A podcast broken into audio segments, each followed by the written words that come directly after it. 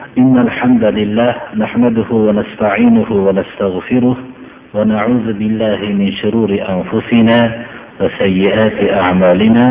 من يهده الله فلا مضل له ومن يضلل فلا هادي له. وأشهد أن لا إله إلا الله وحده لا شريك له وأشهد أن محمدا عبده ورسوله. أما بعد السلام عليكم ورحمة الله وبركاته. Gunoh kabiralarning sanab o'tilayotganligi faqat shungagina cheklangan degan so'z emas ulamolarning kitobi sunnat asosida gunoh kabira deb aytilgan so'zlarni va ular ishora qilishgan yo'llanmalar asosida gunoh kabiralarni birma bir sanab o'tilyapti bu gunoh kabiralarni bilishlik boshqa gunohlarning ham mufassal suratda ya'ni gunoh kabiralarning boshqalarini bilishlikni mufassal suratda bilishlikka yordam beradi. Gunoh kabiralarni bilmasdan turib undan ijtinob qilib saqlanishlik mumkin bo'lmasligi uchun ya'ni yomonlikni yomonlikdan saqlanishlik uchun o'rganmoqligimiz kerak.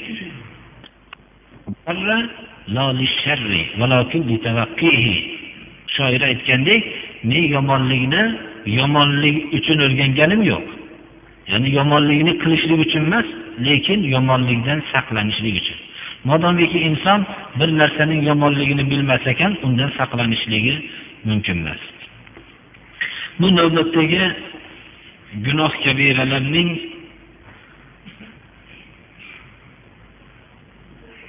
navbatdagisi minnat minnat gunoh kabira bo'lishiga qaramasdan ko'pchilik bu narsaga giriftordir dalil shuki alloh subhanahu va taolo qur'oni karimda استعيذ بالله يا أيها الذين آمنوا لا تبطلوا صدقاتكم بالمن والأذى. كالذي ينفق ماله رئاء الناس ولا يؤمن بالله واليوم الآخر.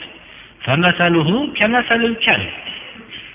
فمثله كمثل صفوان عليه تراب فأصابه وابل فتركه صلدا لا يقدرون على شيء مما كسبوا والله لا يهدي القوم الظالمين. mana bu subhanahu va taolo iymon keltirgan kishilarni o'zlarining qilgan sadoqatlarini minnat va ozor bilan bekor qilmaslikka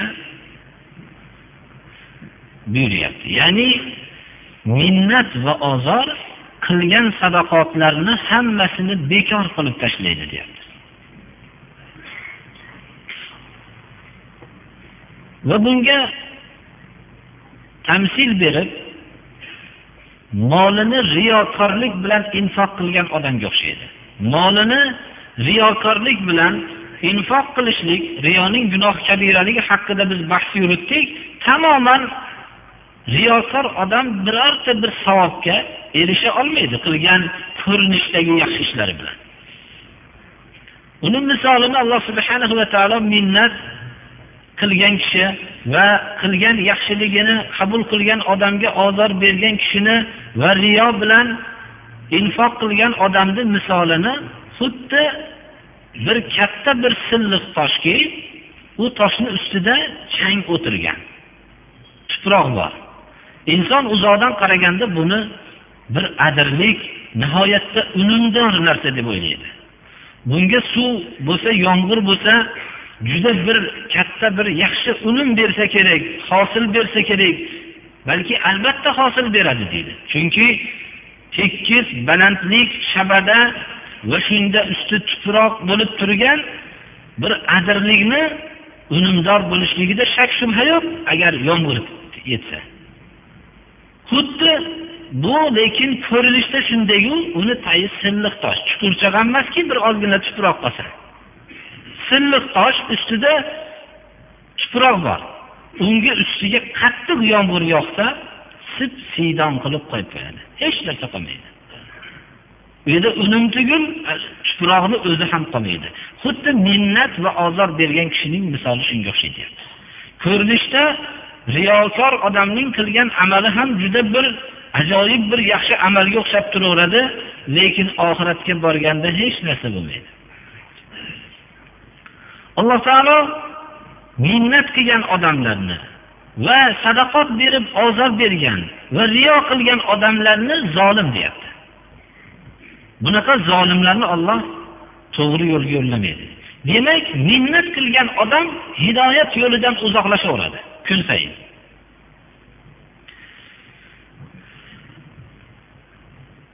Minnat bir yaxshilikni qilib doim shuni shuni qildim senga buni qildim deb aytib yurishlik ozor bo'lsa shu yaxshilik qilingan odamga shuni qilsam bilmadim deb aytib yurishlik bundan olloh saqlaganlargina salomat qolgan birodarlar. Inson shu oyatni agar tushunsa endi bugun eshitdim bugundan boshlab sadaqot qilishni boshlasam kerak deb o'ylaydi. Chunki minnat bu ozorga albatta inson sadaqat qilgan odam imtihonga uchraydi. Yaxshilik qilgan odami albatta u yaxshilikni bilmasdan ketadi. Shu vaqtda minnat bilan ozor darvozasini ochadi odam. Alloh subhana va taolo minnat va ozorni sadaqotlarni botil qiladi deyapti. Demak sadaqotlarni bekor ketkazgan narsa albatta gunoh kabira bo'ladi.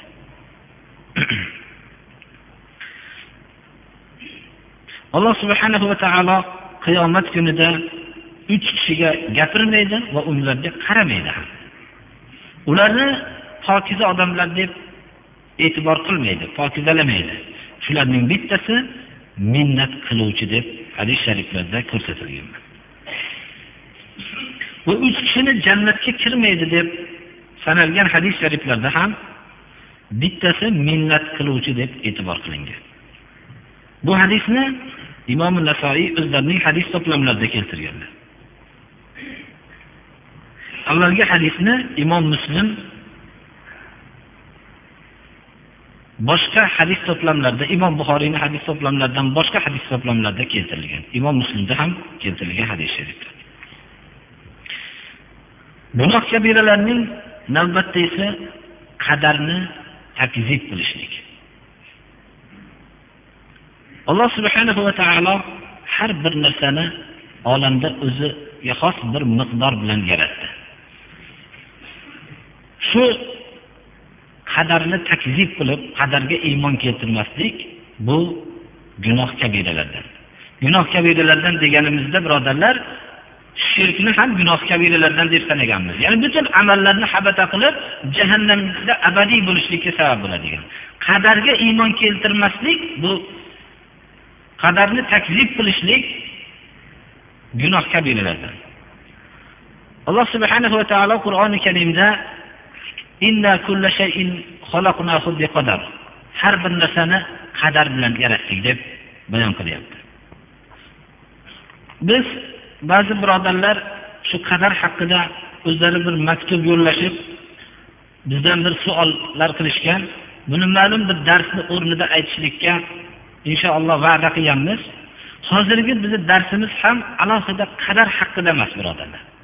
Qadarni takzib qilishlik gunoh kabiralardan shuning uchun ba'zi ma'lumotlarni berib ketamiz. Biz shuni bilamizki qadarga iymon keltiramiz. Va abdulloh ibn umardan rivoyat qilingan asarda sizlarni bittalaringlar dedilar agar uhud tog'icha oltinni ehson qilsa qabul bo'lmaydi hatto qadarga iymon keltirmaguncha dedilar qadarga iymon keltirishlik iymon ruknini bittasidir. Omantu billahini bir rukni qadarga iymon keltirishlikdir. Buni insonning ba'zi o'rinlarga aqli o'zining noqis aqlini yetmaganligi sababli kizib qilishlik bu gunoh kabiralardandir. Bu narsani biz shunday umumiy qilib tushunmoqligimiz uchun qisqa suratda faqat abu hanifa rahimaullohni ba'zi bir so'zlariga to'xtalib o'taman. Imom abu hanifa rahimaulloh shunday deganlarki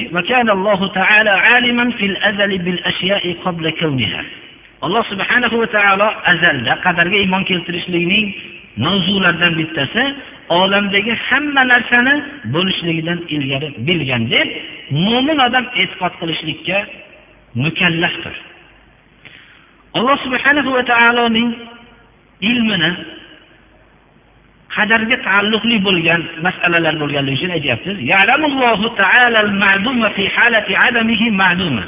ويعلم أنه كيف يكون إذا أوجده ويعلم الله تعالى الموجود في حال وجوده موجودا ويعلم كيف يكون فناؤه alloh subhanahu va taolo hali vujudga kelmagan narsani vujudga kelmagan vaqtida uni qanday vujudga kelishligini ham biladi uning ma'dum vujudga kelmagan narsani ham biladi va vujudga kelganda qanday vujudga kelishligini ham biladi alloh subhanahu va taoloning ilmi bor narsani ham biladi qanday vujudga kelganligini ham kelajakda kelishligini ham biladi va uning bor narsaning qanday yo'q bo'lishligini ham biladi.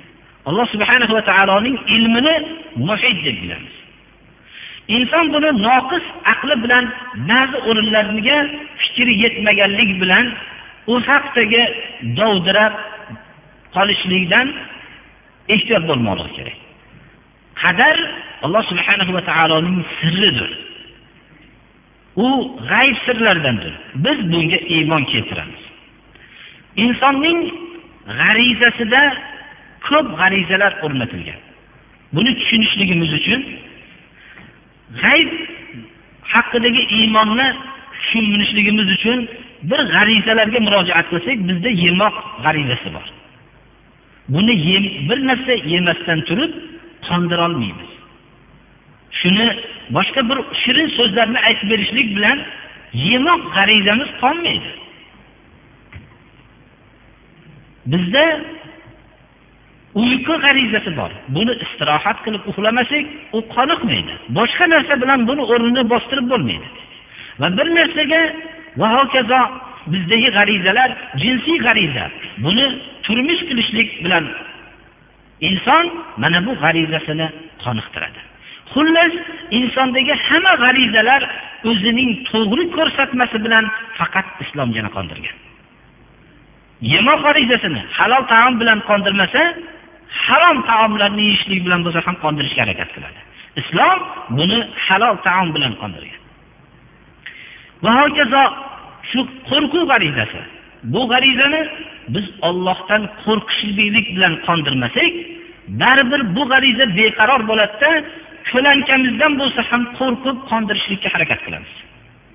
Islom buni faqat ollohdan qo'rqishlik bilan mana bu ollohdan qo'rqishlik bilan biz mukammal dovyurak insonga aylanamiz. Mana bu to'g'ri yo'l bilan qondirishlik umid g'arizasi buni ollohdan umid qilishlik bilan bu g'arizamizni qondiramiz. Shunga o'xshagan bizdagi g'arizalar ko'p g'arizalarni islom o'zining to'g'ri yo'nalishi bilan qondirgan. Shu g'arizalar ichida bir narsani bilishga bo'lgan intilish g'arizasi. Buni alloh subhanahu va taolo bizni butun koinotning sirlarini maxluqotlari haqida fikrlashlikka buyurdi. Va bu g'arizani islom to'g'ri yo'l bilan qondirdi va qaysi yo'nalishlarda aqlning harakat qilishligini bizga ko'rsatib berdi. Qur'onning har bir sahifasini mo'min kishi o'qir ekan ollohning maxluqotlari haqida fikrga yo'llanma berilganligini guvohi bo'ladi. Va shu bilan birga inson bir narsani bilmayman deb ko'p narsani bilmasligini o'zi tan oladida va bir narsani bilmaydigan narsani bilishlik bilan ham g'arizasini qondiradi. Ya'ni men bu narsani bilmayman deb bilib bo'lmaydi degan narsa bilan o'zini g'arizasini qondirishga harakat qiladi. Inson o'ziga savol qilsa hamma narsani bilaman desa dunyodagi eng nodon inson shu so'zing bilan sen sensan deydi. Dunyoda hech narsani bilmayman desa uning ichidan insonga inson hech narsani bilmaydigan maxluq emas.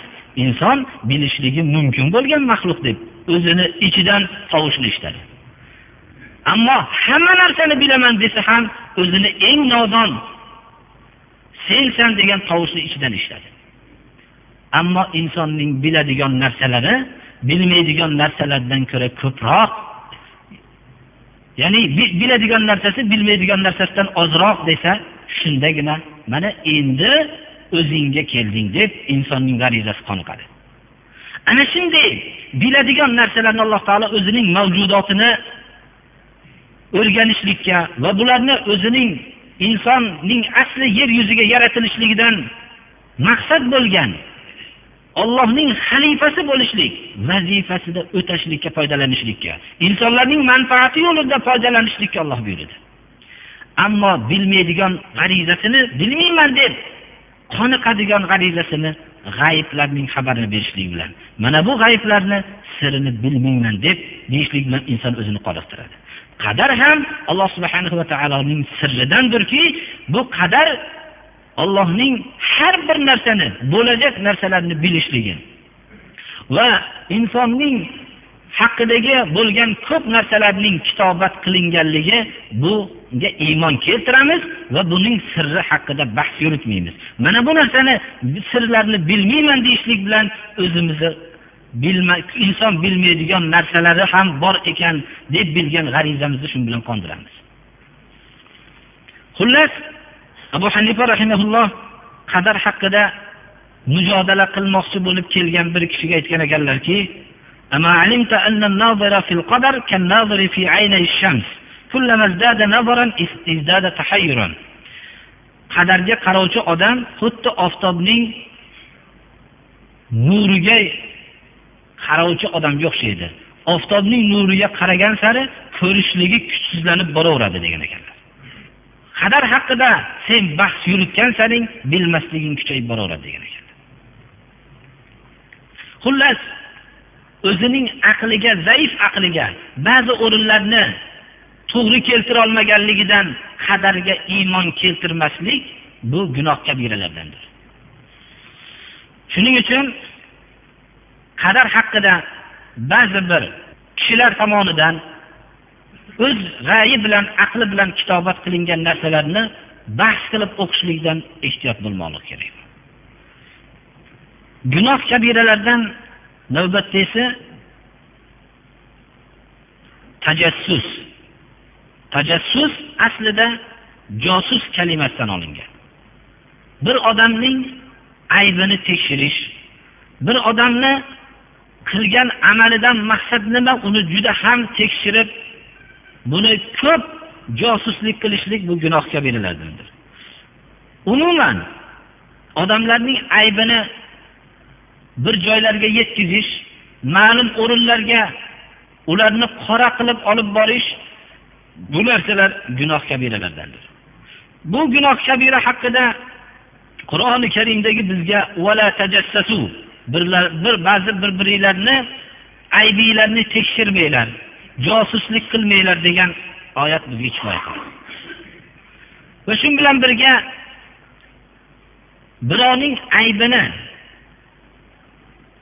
oshkor qilmagan kishiga buning aybini bilib turib bekitgan odamga rasululloh sollallohu alayhi vasallamning hadisi muboraklarida alloh subhanahu va taolo uning qiyomat kuni aybini bekitishlik va'da qilingan. Agar dunyoda biror bir odamning aybini ochmasangiz bekitsangiz sizga bir kuch sarf bo'lmaydi. Shu kuch sarf qilishlikni to'xtatsangiz aybni bekitib qo'yaverasiz. Aybni ochishlik uchun borish kerak urinish kerak isbotlashlik yolg'on narsani isbotlashlik ham oson emas. Bu narsani urinib haqqa o'xshagan kesib kalimalar bilan o'rab harakat qilish kerak yordamchilar talab qilish kerak. Ammo buni bekitishlikka hech qanaqa kuch ketmaydi. Shu tamom shuni kuchingizni noto'g'ri yo'lga ishlatishlikni to'xtatsangiz aybini bekitgan bo'lasiz.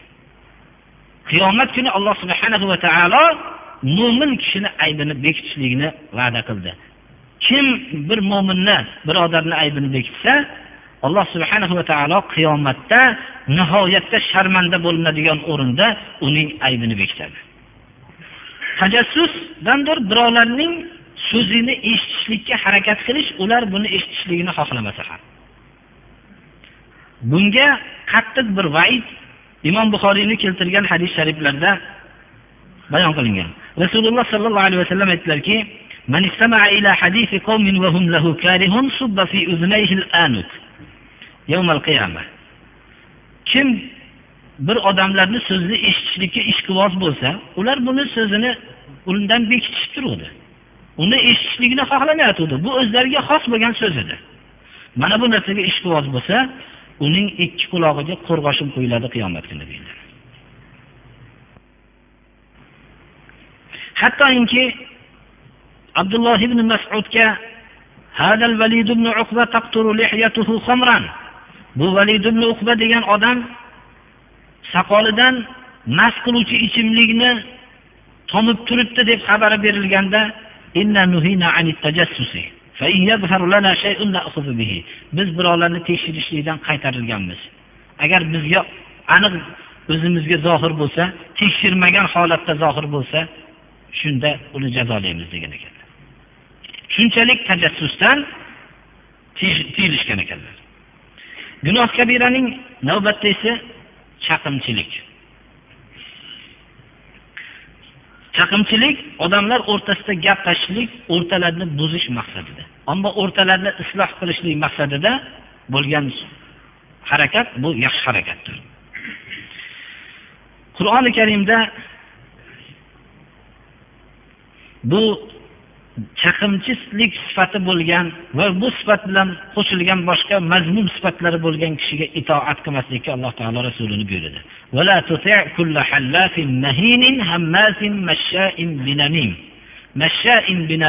maqsad chaqimchidir. Rasululloh sollallohu alayhi vasallamning hadisi muboraklarida imom buxoriy imom muslimning jomi sahiylarida keltirilgan hadisda la jannatga chaqimchi kirmaydi deyilgan ekan. Payg'ambarimiz sollallohu alayhi vasallamning hadisi muboraklarida ikki qabr oldidan o'tdilar. Aytdilarki ikkovi qabrdagi kishilar azoblanyapti. Gunoh kabira sababli azoblanayotgani yo'q dedilar. Ama annahu kabir. Keyin aytdilarki yo'q gunoh kabira ekan dedilar. Rasululloh sollallohu alayhi vasallam bu qabrdagi ikkita yotgan odamning qilgan gunohlarini avvalda gunoh kabira deb o'ylamagan edilar. Shu so'zlarini gunoh kabira sababli azoblanayotgani yo'q deganlarda vahiy keldida yo'q bu gunoh kabira degan vahiy kelishi bilan darrov so'zlarini to'g'riladilarda gunoh kabira deb ogohlantirdilar. Shuning uchun bu hadisni sharhida ama innahu kabir deb tezda gunoh kabira deb ogohlantirganliklarini shunday sharhlanadi. Bittasi o'zining bavlidan ehtiyot emasdi. Mana nasoro g'ayridinlar bular o'zlarining bir bavlidan ehtiyot bo'lishmaydi. Tika turib bavul qilishadi.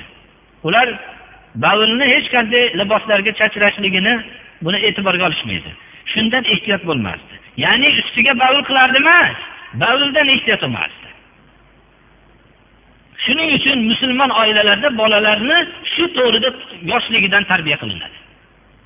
Rasululloh sollallohu alayhi vasallam ota onalardan ham bizga mehribonlik qilib tahoratga kirgandek odobni ham bizga o'rgatishlikdan erinmaganlar. Chunki ummatga mehribonliklaridan. Boshqa ajnabiy millatlarda bu narsani biror bir tarbiyasi bo'lmaydi birodarlar. Bizning masjidlarimizda minbarda buning tarbiyasi bo'laveradi. Nima uchun? Bu nopok narsada saqlanish azobi qabrga sabab bo'ladigan amaldir. Boshqalarning ajnabiylarning yo'llarida faqat yuziga pardoz berishlik haqida bahs qiladi xolos. Mana bu narsa mo'min odamning hamma a'zosi pok bo'lgandek libosi toza bo'ladi.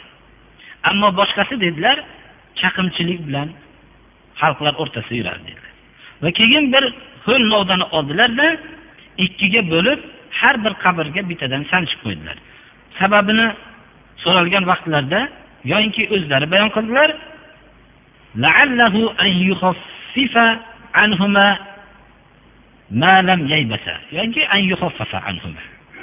bulardan azob yengillab turar shu novdalar quriguncha dedilar.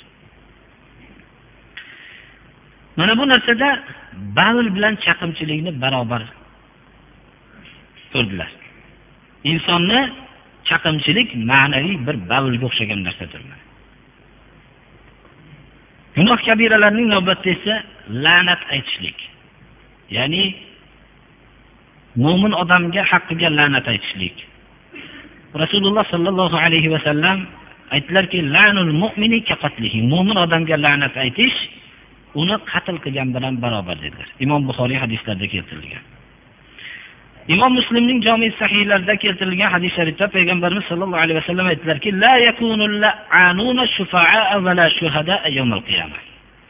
la'nat aytuvchi kishilar qiyomat kuni shafoat qiluvchi sifatda bo'lmaydi va yana qiyomat kuni ular ummatlarga guvoh bo'lmaydi degan ekanlar. Payg'ambarimiz sollallohu alayhi vasallam boshqa hadisi muboraklarda imom muslim rivoyat qilgan abu hurayra rivoyati asosida ollohni tasdiqlovchi mo'min kishi la'nat aytuvchi bo'lmaydi degan ekanlar imom abu dovudning sunanlarida keltirilgan hadis sharifda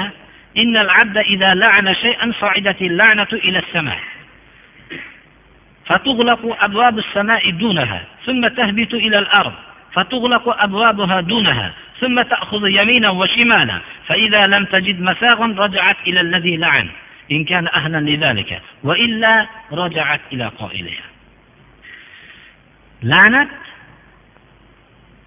haqida aytgan ekanlarki banda bir la'nat aytsa bir narsaga la'nat aytsa la'nat osmonga ko'tariladi osmon darvozalari bekiladi keyin yerga tushadi. Yer ham la'natni yo'lini to'sadi. Keyin o'ng va chap tarafga la'nat yuradi. Agar bir o'rin topolmasa bu la'nat aytilingan odamni oldiga keladi. Ya'ni la'nat aytilingan odamni oldiga kelsa agar haqiqatda la'nat aytilinadigan odam bo'lsa la'nat shunga to'xtaydi. Bo'lmasam la'nat aytuvchiga qaytib keladi. Payg'ambarimiz sollallohu alayhi vasallam la'nat aytgan odamlarni biz alloh subhanahu va taolo qur'onda la'nat aytgan kishilarni biz o'rgandik. Ularni ba'zilari mana qur'oni karimda ala la'natullohi ala zolimin zolimlarga ollohni la'nati bo'lsin dedi. Kazzob kishilarga ollohni la'nati bo'lsin dedi. Rasululloh sollallohu alayhi vasallam riboni yeyuvchi va shunga yediruvchi va guvohi va buni ribolarni yozish yozib sabab bo'lgan kishilarga la'nat aytdilar. Va hol qo'yuvchi hol qo'yishlikni talab qilgan ayollar ko'proq bo'lganligi uchun qosh teruvchi va shunaqa ayollarga soch ulovchi ayollarga ulatishlikni talab qilgan ayollarga la'nat aytdilar. Musibat vaqtida yaqasini yirtib faryod chekkan o'zini qonatgan bunaqa shapalaqlagan besabrlik qilib faryod chekkan olloh bilan jang qilgan musibat vaqtidagi kishilarga la'nat aytdilar. Suratkashlarga la'nat aytdilar. Va yana o'zi bilan birovni haqqini o'rtasidagi haqlarni olib olishlikka o'zini hududlarini o'zgartirgan kishilarga ham la'nat aytdilar o'zini ota onasiga la'nat aytgan kishiga ham ollohni la'nati bo'lsin dedilar. Onasini so'kkan kishilarga ham ollohni la'nati bo'lsin dedilar. Amo kishini yo'ldan adashtirib qo'ygan odamlarga ham ollohni la'nati bo'lsin dedilar. Va yana ko'p gunohlarni aytgan qilgan kishilarga la'nat e'lon qildilar. Ollohnidan boshqaga biror bir so'yishni atab so'yganlarga ham ollohni la'nati bo'lsin dedilar. Ollohni la'nati bo'lganligini belgisi shu odamlarni bir tekshirib ko'rilsa birodarlar shu islomning so'zlarini masxara qilib kutib oladi. Qabul qilmaydi chunki u malum bo'lganligini belgisidir. Ko'p kishiga ollohni nomidan boshqa nomga so'ygan kishiga ollohni la'nati bo'lsin degan ekanlar desa men shu ishni qilaveraman deydi. Malum bo'lganligini belgisi shu.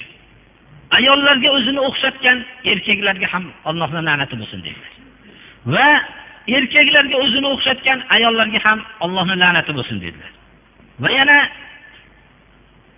birovning ayolini aynitib oilasini buzib o'zi turmush qurgan kishilarga ham allohni la'nati bo'lsin dedilar hadis shariflarda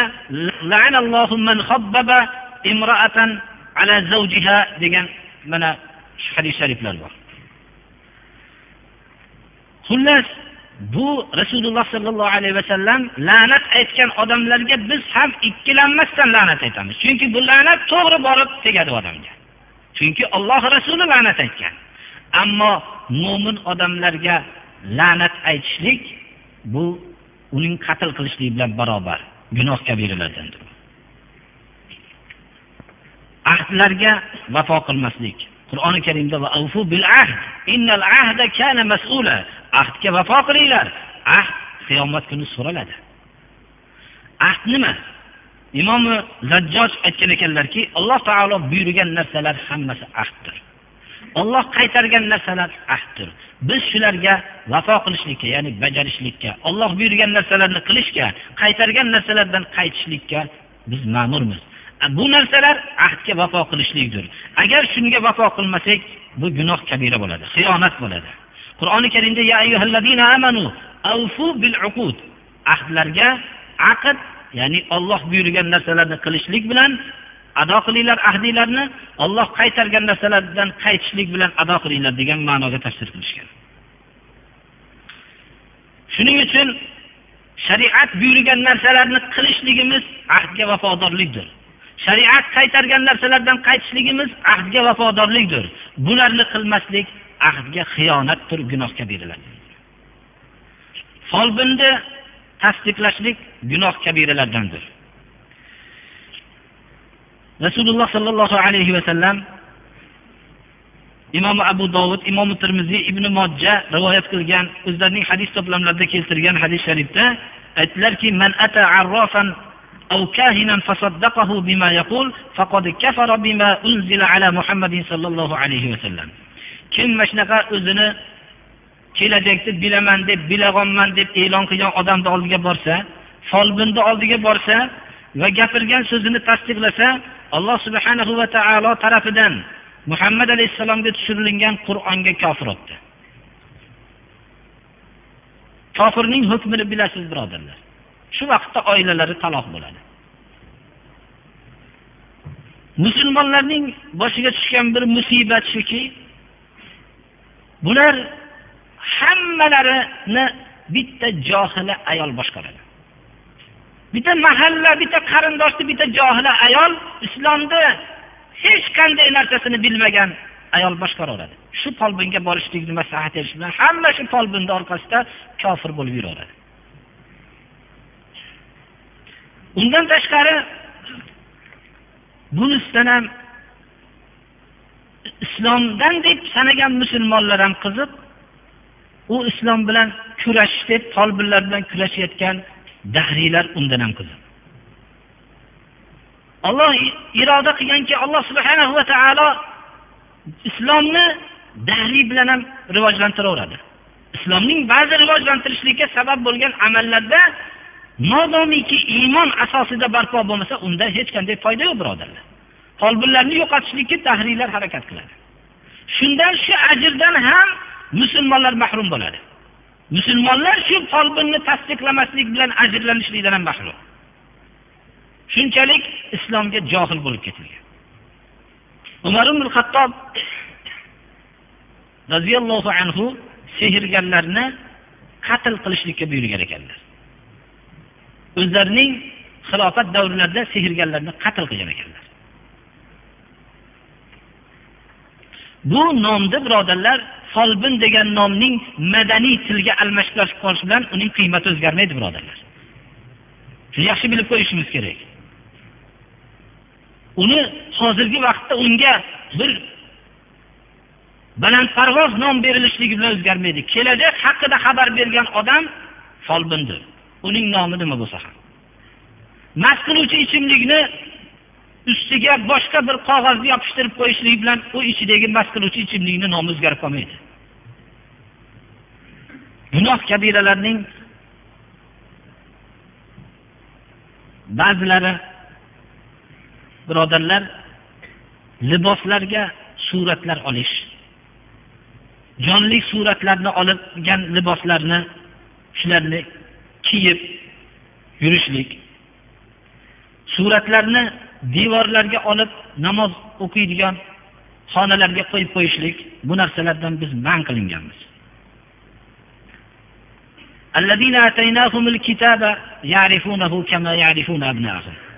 Ahli kitoblar nasoro yahudlar islomni o'g'illarini tanigandek yaxshi tanishadi.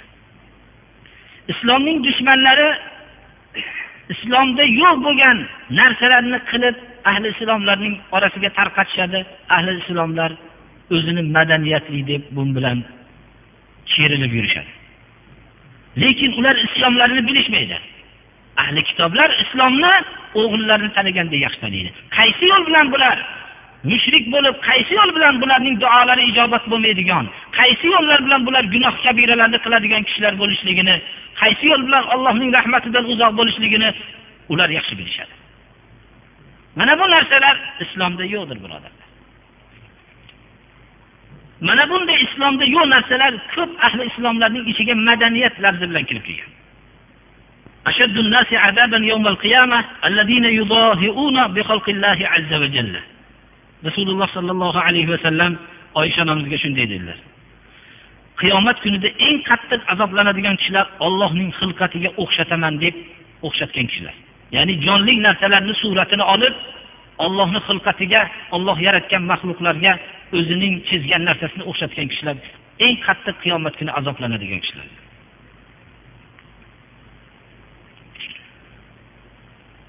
من صور صورة في الدنيا كلف أن ينفخ فيها الروح يوم القيامة وليس بنافخ فيها أبدا qiyomat kuni biror jonli suratni chizgan odamga taklif qilinar ekan jon kirgizgin deb u jon kirgizishlikka harakat qiladigan qilib qo'yilar ekan hech qachon u jon kirgizolmaydi albatta Rasululloh sollallohu alayhi vasallamdan rivoyat qilingan imom buxoriy va imom muslimning hadis hadis to'plamlarida farishtalar it bor uyga va surat bor uyga kirmaydi dedi kim uyga farishta kirmasligiga harakat qilsa uyga it bilan surat olib kirib qo'ysa maqsadiga yetadi. Mana shuni bilib qo'yishimiz kerak. Itni birodarlar meni muhofaza qilsin deb turib odam olib kiradi lekin olloh subhanahu va taolo tarafidan qulog'iga kirib ketayotgan mayda hasharotlarni ham himoya qiluvchi son sanoqsiz farishtalarni alloh taolo bizga xizmatga qo'yibdi it buni bilmaydi. It kirishligi bilan shunday rahmat farishtalari chiqib ketadi. Qayd qilingan ba'zi hadislarda rahmat farishtalari deyilgan ba'zilarda mutlaq farishtalar deyilgan. Mana bu farishtalar rahmat farishtalari bo'lganda bir nav'an bu ham bir alam insonga lekin mutlaq boshqa himoya qiluvchi farishtalar ham kirmasa juda ko'p himoyachini o'rniga bir itni almashtirib qo'ygan bo'ladi. Qaysi bir narsani ko'rsangiz islomda mazmun bo'lsa islom dushmanlari shuni nihoyatda rivojlantirishlikka harakat qiladi. Hozir ko'rsangiz odamlarning ishqiboz bo'lgan narsasi ota onasi emas bir it bo'lib qolgan mana bu narsa zimniy bir islomning dushmani tarafidan ularga bo'layotgan targ'ibot ta'sirida bo'ladi.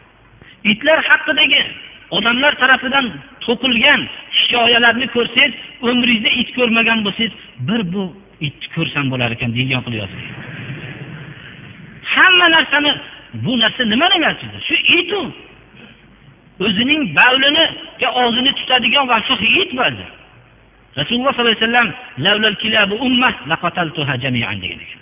Agar it ummat bo'lmaganda hammasini o'ldirib yuborardim degan ekanlar ya'ni u ham bitta ummat uning bir o'rinlarda o'zini joyi bor.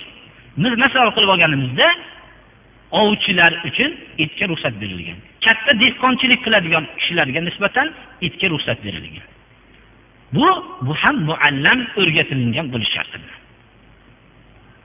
bu narsa boshqa ma'no birodarlar hamma uyga itni olib kirib olishlik boshqa ma'no bu gunoh kabiralarning navbatda esa musibat vaqtida o'zini shapaloqlab dod faryod qilishlik yoqalarini yirtishlik qo'pol qilib aytganda hayotida ota onasini bilmasdan vafot qilganda mutahamchilik qilishlik. Mana bu narsa gunoh kabiralardan olloh bilan urushishlik og'zidan olloh rasuli rozi bo'lmaydigan so'zlar bilan faryod qilishlik. Musibat vaqtida inson kulmaydi inson yig'laydi. Lekin yig'lash rahmatdir.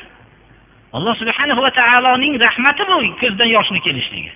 Lekin olloh rasuli rozi bo'lmaydigan so'zlarni aytishlik bu gunoh kabiralardandir payg'ambarimiz sollallohu alayhi vasallam la'nat aytgan odamlarning bittasi olloh rasuli rozi bo'lmaydigan so'z bilan faryod qilgan kishilarga ham allohning la'nati bo'lsin dedi. Gunoh kabiralarning bittasi zaif kishilarga zo'ravonlik qilishlik. Alloh subhanahu va taolo o'zini yakka o'ziga ibodat qilishlikka buyurib hech bir narsani sharik qilmaslik shirkdan qaytargandan keyin o'zining yakka ibodatiga buyurib shirkdan qaytarishlik bilan ota onaga yaxshilik qilishlikka va qarindoshlarga yaxshilik qilishlikka yetimlarga yaxshilik qilishlikka miskinlarga yaxshilik qilishlikka yon qo'shnilarga uzoq qo'shnilarga yaxshilik qilishlikka yonidagi birodarlariga musofirlarga va qo'l ostidagi xodimlarga yaxshilik qilishlikka alloh taolo buyurdi. Va bularga zulm qilishlikdan qaytardi.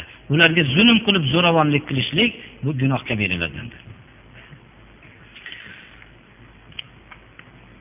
qo'shnilarga ozor berishlikni alohida ta'kidladilar. Shuning uchun biz ham ta'kidlaymiz qo'shnilarga ozor berishlik gunoh kabiralardandir. Hatto rasululloh sollallohu alayhi vasallamdan rivoyat qilingan hadis sharifda imom buxoriy imom muslimni hadis to'plamlarida keltirilgan vallohi la yu'minu vallohi la yu'minu deb takror aytdilar. Iymon keltirgan emas iymon keltirgan emas deb qasamyod qilib ollohni nomiga qasam ichdilar. Shunda kim iymon keltirmagan? Kishi kim yo rasululloh deb savol qilishganlarda qo'shnisi buning zararlaridan xotirjam bo'lmagan. Ya'ni hali qo'shnisi ozor topgan emas doim tashvishda turadi. Shundan bir zarar yetib qolarmikin degan tashvishda tursa shu odam iymon keltirgan emas degan ekanlar.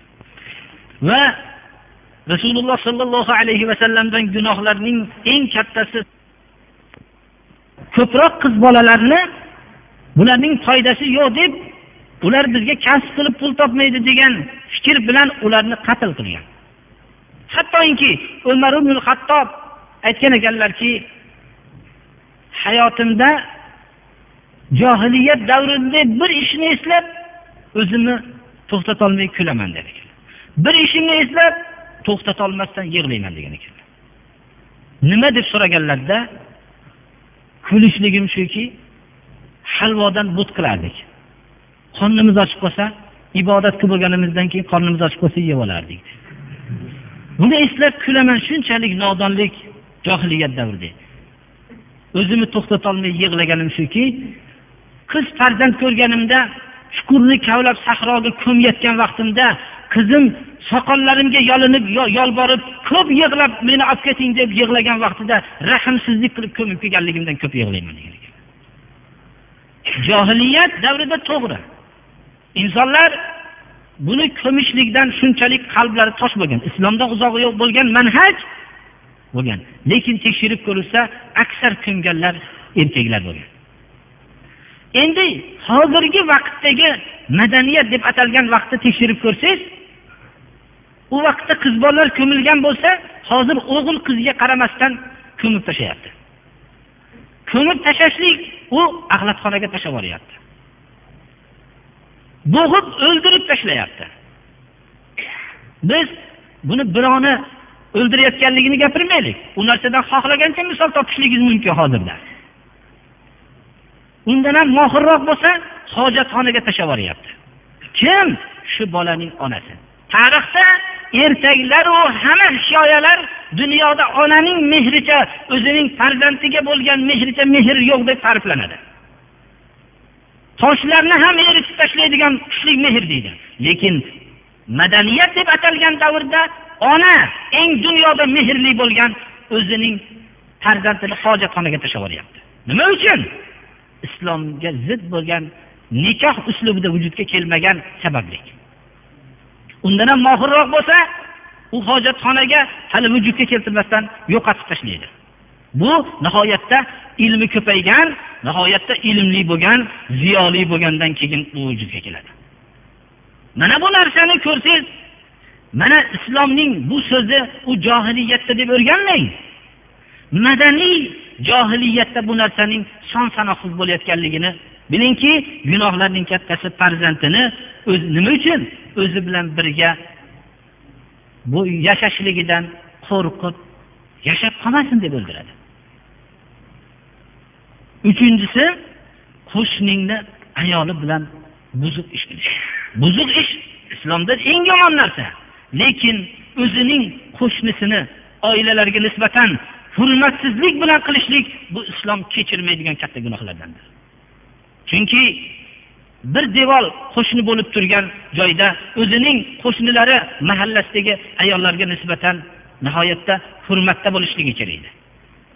Hattoki mujohidlar islom jihodi bilan ketgan vaqtda mujohidlarning xonadonlarida qolgan bir kishini qo'yib ketilinardi. Shu kasb qilib o'nta xonadonga qo'yib ketilgan bo'lsa kasb qilib o'n dirham pul topadigan bo'lsa har bir xonadonga bir dirhamdan bo'lib o'zining uyiga bir dirhamlik olib kirib ketadi. Hadis shariflarda mujohidlarning ayollari qolgan odamga nisbatan onasining hurmatini o'rnida deyilgan. Onasini qanchalik hurmat qilinsa shunchalik hurmatda qolinishligi kerak bo'lgan. Chunki xiyonatga bu qadam bosishlik shunchalik islomda qattiq deb e'tibor qilingan. Islom bu narsaning yutug'i shu yerdaki islomning boshqa yo'llardan farqi shuki bunga nazoratchilar qo'yib turib bunday narsani qo'ygan emas islomning alohida hay'ati boshqargan emas bir hay'at qurilgan emas unga birinchi rahbar va uning atrofida o'nta yordamchi bunaqa narsalar qurilgan emas. Faqat bitta uning qalbidagi har bir mo'minning qalbida o'rnashgan ollohning ko'rib turibdi degan nazorati o'zi kifoya qilgan. Mana bu narsa bilan islom boshqa dunyodan o'z harakatlarining hammasidan farq qiladigan joyi birinchi nazoratni qalbiga o'rnatgandir. Voqedagi o'rnatilgan kuch avvalda hozirda ham ko'p birodarlar shunga o'ylashadiki voqeda o'rnatilgan avval kuch odamlarni tarbiya qilib oladi deydi. Bu mutlaqo xato. Inson o'zining jasad mamlakatida o'zining qalbida o'ziga hokimlik qilolmasa bunda havo nafs bular hokimlik qiladigan bo'lsa hech qachon bunday bunday kishilardan topgan jamiyat bo'rilar jamiyati bo'ladi. Shuning uchun bu shu falsafa shunday narsaki bo'ri ko'plari bilan qo'shilgan vaqtda yaxshi o'nglanib qoladi cho'ponlik qilaveradi degandan boshqa falsafa emas shuning uchun islomning hamma amalini qarab ko'rsangiz birinchi marta qalbda bu o'zining nazoratini o'rnatgan. Rasululloh sollallohu alayhi vasallamning daqiq tarbiyalari mana bu bo'lgan. Gunoh kabiralardan bittasi musulmonlarga ozor berishlik. والذين يؤذون المؤمنين والمؤمنات بغير ما اكتسبوا فقد احتملوا بهتانا وإثما مبينا mo'min kishilarga va mo'mina ayollarga ozor berganlar ular qilmagan amal bilan qildi deb ozor berganlar bo'htonu qiyomat kunida katta ochiqdan ochiq gunohlarni ko'targan kishilardir inson bir o'zingiz o'ylab ko'rsangiz bir jamiyat to'plangan joyga qo'lingizda pokiza narsa bo'lsa ham egilib qiynalib ko'tarib kelayotganligingiz o'zingizga munosib ko'rmaysiz. Uni bir muvozanat bilan ko'tarib kelishlikni xohlaysiz. Xalqlar o'rtasiga. Lekin qiyomatdagi hamma bashariyat to'plangan o'ringa qur'on tasvirlayaptiki bo'xton ya'ni bir katta bir axlatni yelkasida ko'tarib kirib keladi. Hozir ozor beradigan kishilar mabodo ozor bersa mo'minlarga ozor beryapti. Mo'mina ayollarga ozor beryapti. Qilmagan amallari bilan. Ularning sha'nlariga ko'p bo'xtonlar qilyapti. Haq yo'lda yurgan kishilarga ko'p bo'xtonlar qilyapti. Alloh subhana va taolo mana bu kishilarni nihoyatda bir achinarli ahvolini qur'onda suratlab beryapti. Gunoh kabiralardan ba'zilarini biz mana hozir aytib o'tganlarni ko'p kishilar aqlan tushunib olishadilar. Lekin bizga bir imtihonki ba'zi bir narsalarni inson shunchalik bir narsa ham gunoh kabiramikin degan xayol keladi unga. Mana bu men bu o'qishdan ilgari buni ogohlantirayotganligim islomning ba'zi buyruqlari insonning buni olloh rasulini hukmi deb qabul qilyaptimi yo aqli bilan qabul qilyaptimi insonning o'ziga ko'rsatib qo'ygan. Ba'zi bir hukmlarni inson o'zining noqis aqliga sig'dira olmaydi lekin olloh albatta biladiki bu narsa aqlga to'g'ri keladi. U sizning va bizning aqlimizga to'g'ri kelmasa ham chunki aql dunyodagi hamma aql siz bilan bizning aqlimiz emas. Bu davrning aqli ham emas. Bir davr hali davr qiyomatgacha bo'lgan insonlarning aqli ham turibdi. Aql taqsimlanganda siz bilan bizga va shu asrdagi kishiga taqsimlangan emas. Aql butun yer kurrasidagi hamma bashariyatga taqsimlangan. Shuning uchun hali taqsimlangan aqllarni ham kutishlikka muhtoj bo'ladi. Balki iymon aqlning tasdiqlashligiga muhtoj bo'lmaydi. Iymon olloh rasuli tarafidan kelganligi muqarrar bo'lishligi bilan qabul qiladi. Mana bu narsalardan bittasi payg'ambarimiz sollallohu alayhi vasallamning hadisi muboraklariga murojaat qilishlik bilan bilib olamiz.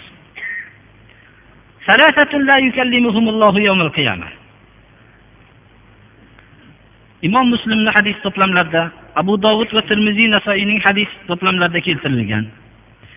Uch toifaga olloh qiyomat kuni gapirmaydi. Qaramaydi ham. Ularni poklamaydi ham. Ularga alamlantiruvchi azobdir. Birinchisi nima? Al musbil ya'ni musbil nima? O'zini libosini oshig'idan pastigacha tushirgan kishi. Minnat qiluvchi hali darsimizda aytib o'tdik. Va o'zining matosini yolg'on qasam bilan bozorda o'tkazib olgan odam. Uchovi bizga bir o'rinda keltirilyapti. Minnat qiluvchini biz aqlimiz bilan tushunamiz. Yolg'on qasam bilan matosini o'tkazib olgan odamni ham albatta aqlimiz buni qabul qiladi. Bu kazzob deymiz. Lekin musbil o'zining libosini oshig'ining pastiga tushirgan kishi deganda nahotki shu narsa ham shunaqamikin deymiz. Shu kichkina narsa degan narsa aqlimizga to'g'ri kelmay qoladi. Lekin biz hadisni sahih ekanligini bildikmi rivoyat sahih bo'ldimi musbil tamom alloh subhanahu va taolo gapirmaydi qaramaydi poklamaydi degan so'zni qabul qilmoqligimiz kerak. Undan tashqari hadis sharifda imom buxoriyning rivoyatlarida ikki oshiqdan pastga tushgan izor o'tda deydilar. Payg'ambarimiz sallallohu alayhi vasallamning hadis shariflari. Mana bu joyda bizning hukmlarni qabul qilayotganimiz aqlimiz bilan qabul qilyapmizmi? Yo olloh rasulini hukmi uchun qabul qilyapmizmi? Ajraladi bu yerda.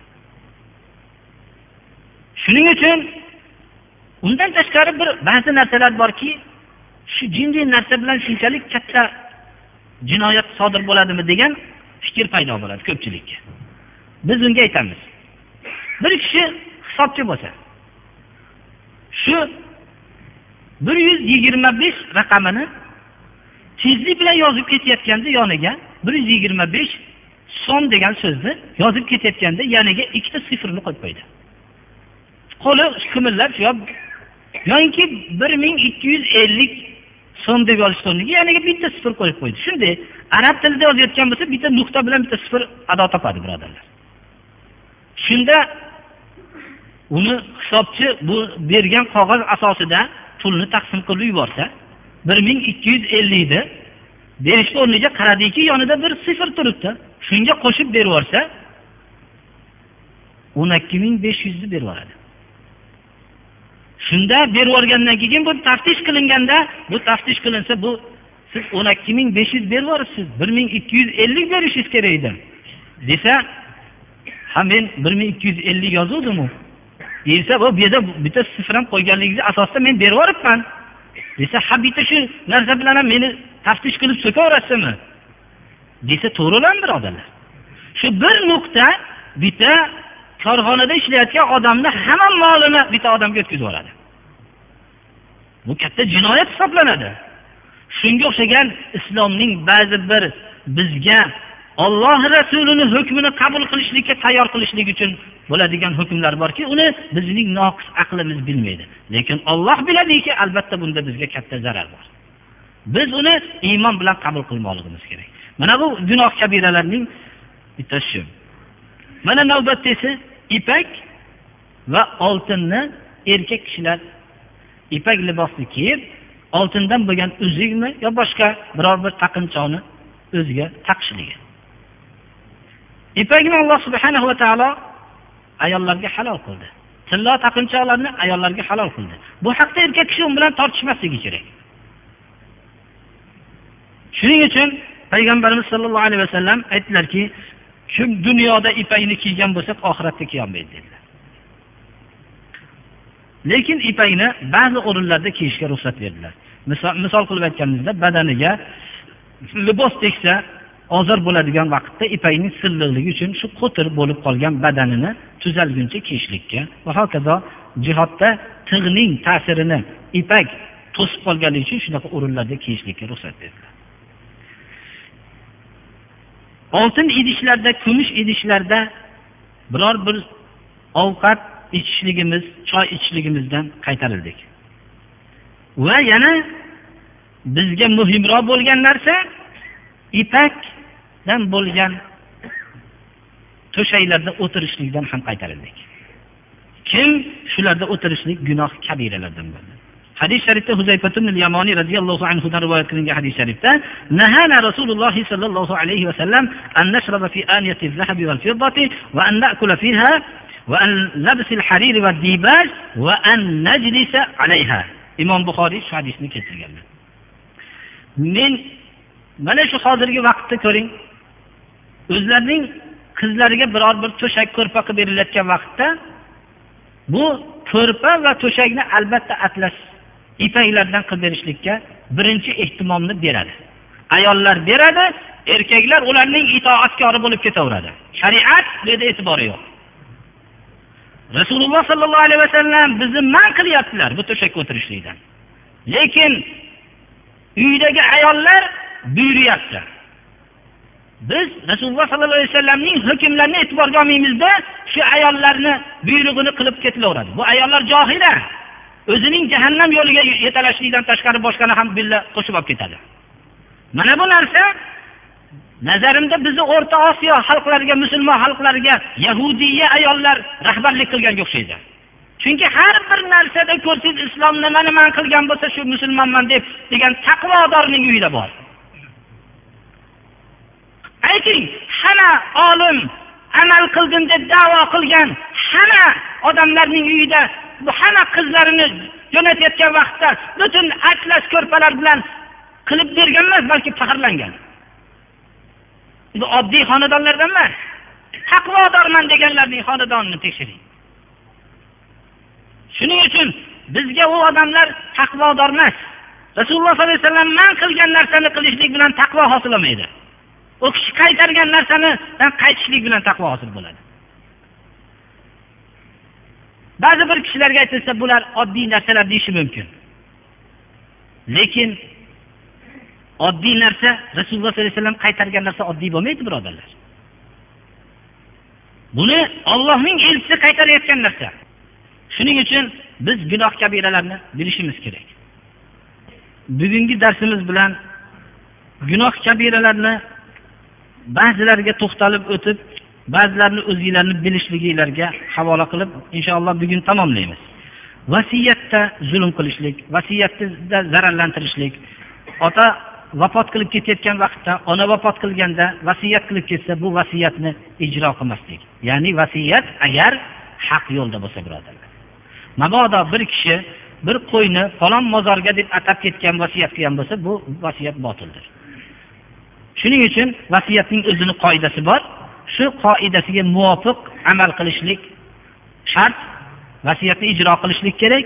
Bu vasiyatni bilan zararlantirib qo'yishlik vasiyatni buzib bu shariat man qilgan narsalardandir gunoh kabiradir chunki qur'oni karimda vasiyatlar zikr qilinganda vasiyatan minalloh vallohu alimun halim.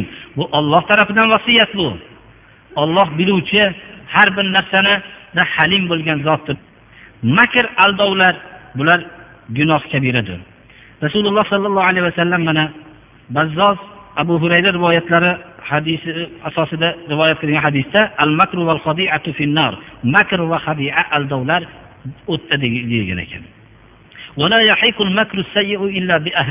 Yomon makrlar o'zini ahlini o'raydi xolos o'ziga zarar yetkazadi deyilgan.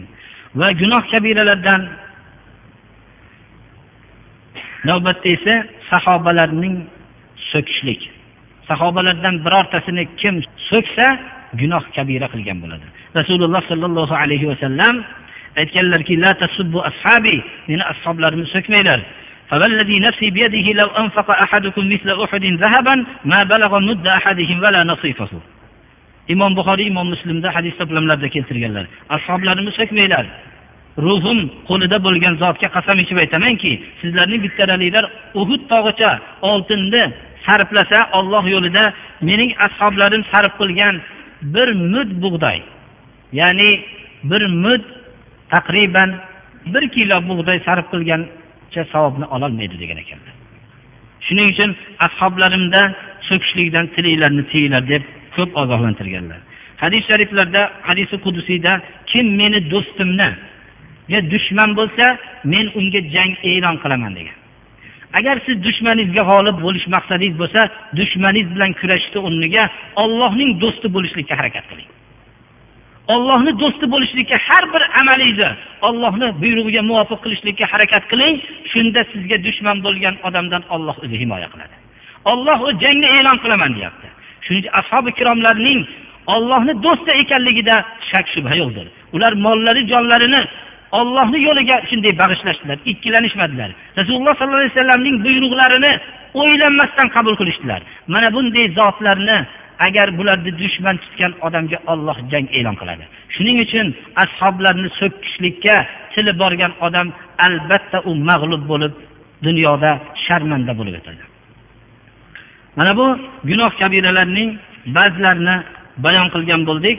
Alloh subhanahu va taolo qur'oni karimda استعيذ بالله إن تجتنبوا كبائر ما تنهون عنه نكفر عنكم سيئاتكم وندخلكم مدخلا كريما agar sizlar qaytarilgan gunohlarning kattalaridan saqlansanglar sizlarning boshqa xatoinglarni kechiramiz va sizlarning oliy dargohga ya'ni jannatga olib kiramiz deb va'da qilyapti shuning uchun ham gunoh kabiralarning ba'zilariga ogohlantirib o'tildiki shu gunoh kabiralardan tiyilsak alloh subhana va taolo boshqa xatolarimizni kechiradi va oliy dargoh jannatga dohil qiladi Allohning va'dasi haq.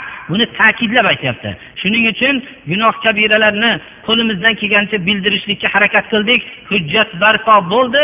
Eshitgan kishilarning ustida bunga amal qilishlik o'zlarining ixtiyorlarida qoldi. Shuning uchun bu ilm amonatini qo'ldan kelgancha yetkazdik. Bunga amal qilishlik birodarlar o'zinglarni ixtiyoringlarda. Havoyi nafsga giriftor bo'lgan odam bu gunoh kabiralarni amal qilolmaydi. Chunki u aytadiki bular hali muhim ishlar emas deydi.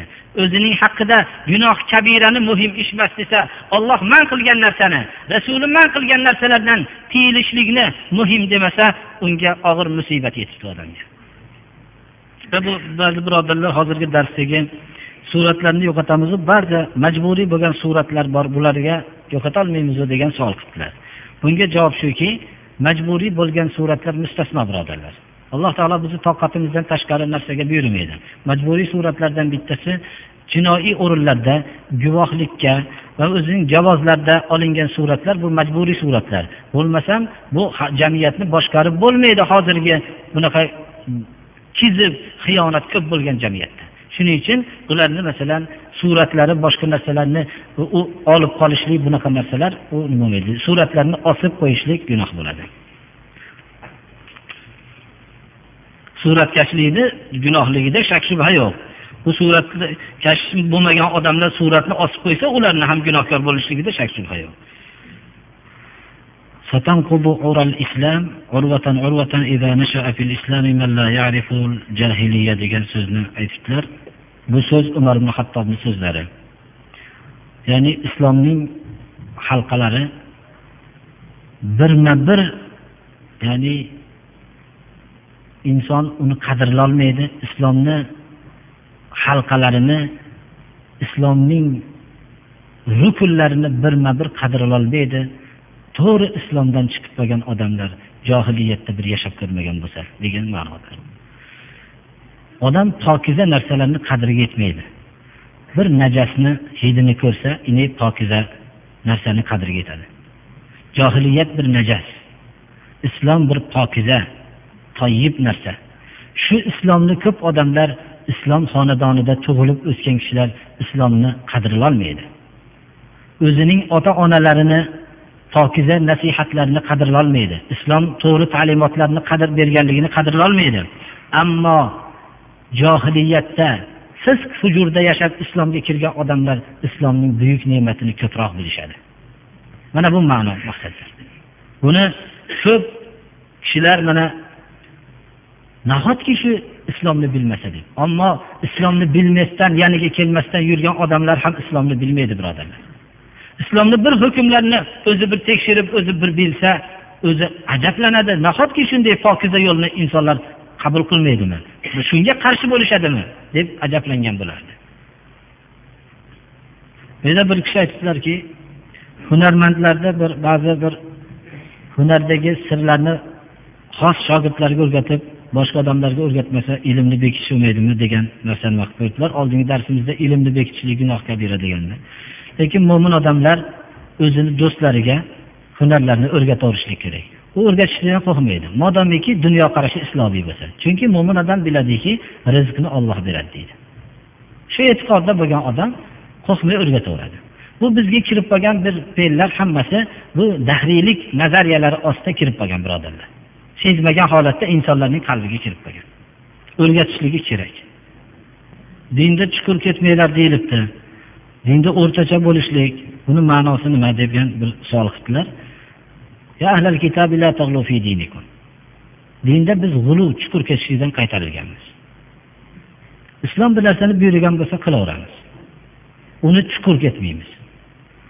Misol qilib aytganimizda bir mo'min odamni uyda turgan xolosda namoz o'qiveramiz bizga pokiza deymiz. Uni tekshirib buni mayda bolalar kirib turadimi bu yerga yo'qmi deb tekshirishlikdan biz qaytarilganmiz. Indamay o'qiveramiz mo'min odamni shu tamom bizga shu kifoya qiladi. Namozxon mo'min odam. G'ulu ketishni bir oddiy misolni aytyapmiz. Dindagi g'uludan biz qaytarilganmiz. Ko'plar duo qiling debdilar. Mana umumiy duo qilamiz. Alloh subhanahu va taolo farzand solih so'raganlarga alloh taolo farzand solih solihalardan bersin. Kasallarga alloh taolo shifo bersin. Alloh taolo mahbuslarga alloh najot bersin. Alloh subhanahu va taolo g'amga giriftor bo'lganlarni alloh taolo g'amini ko'tarsin. Gunohlarimizni mag'firat qilsin ibodatlarimizni alloh qabul qilsin. Shu darsimizni davomiy qilsin.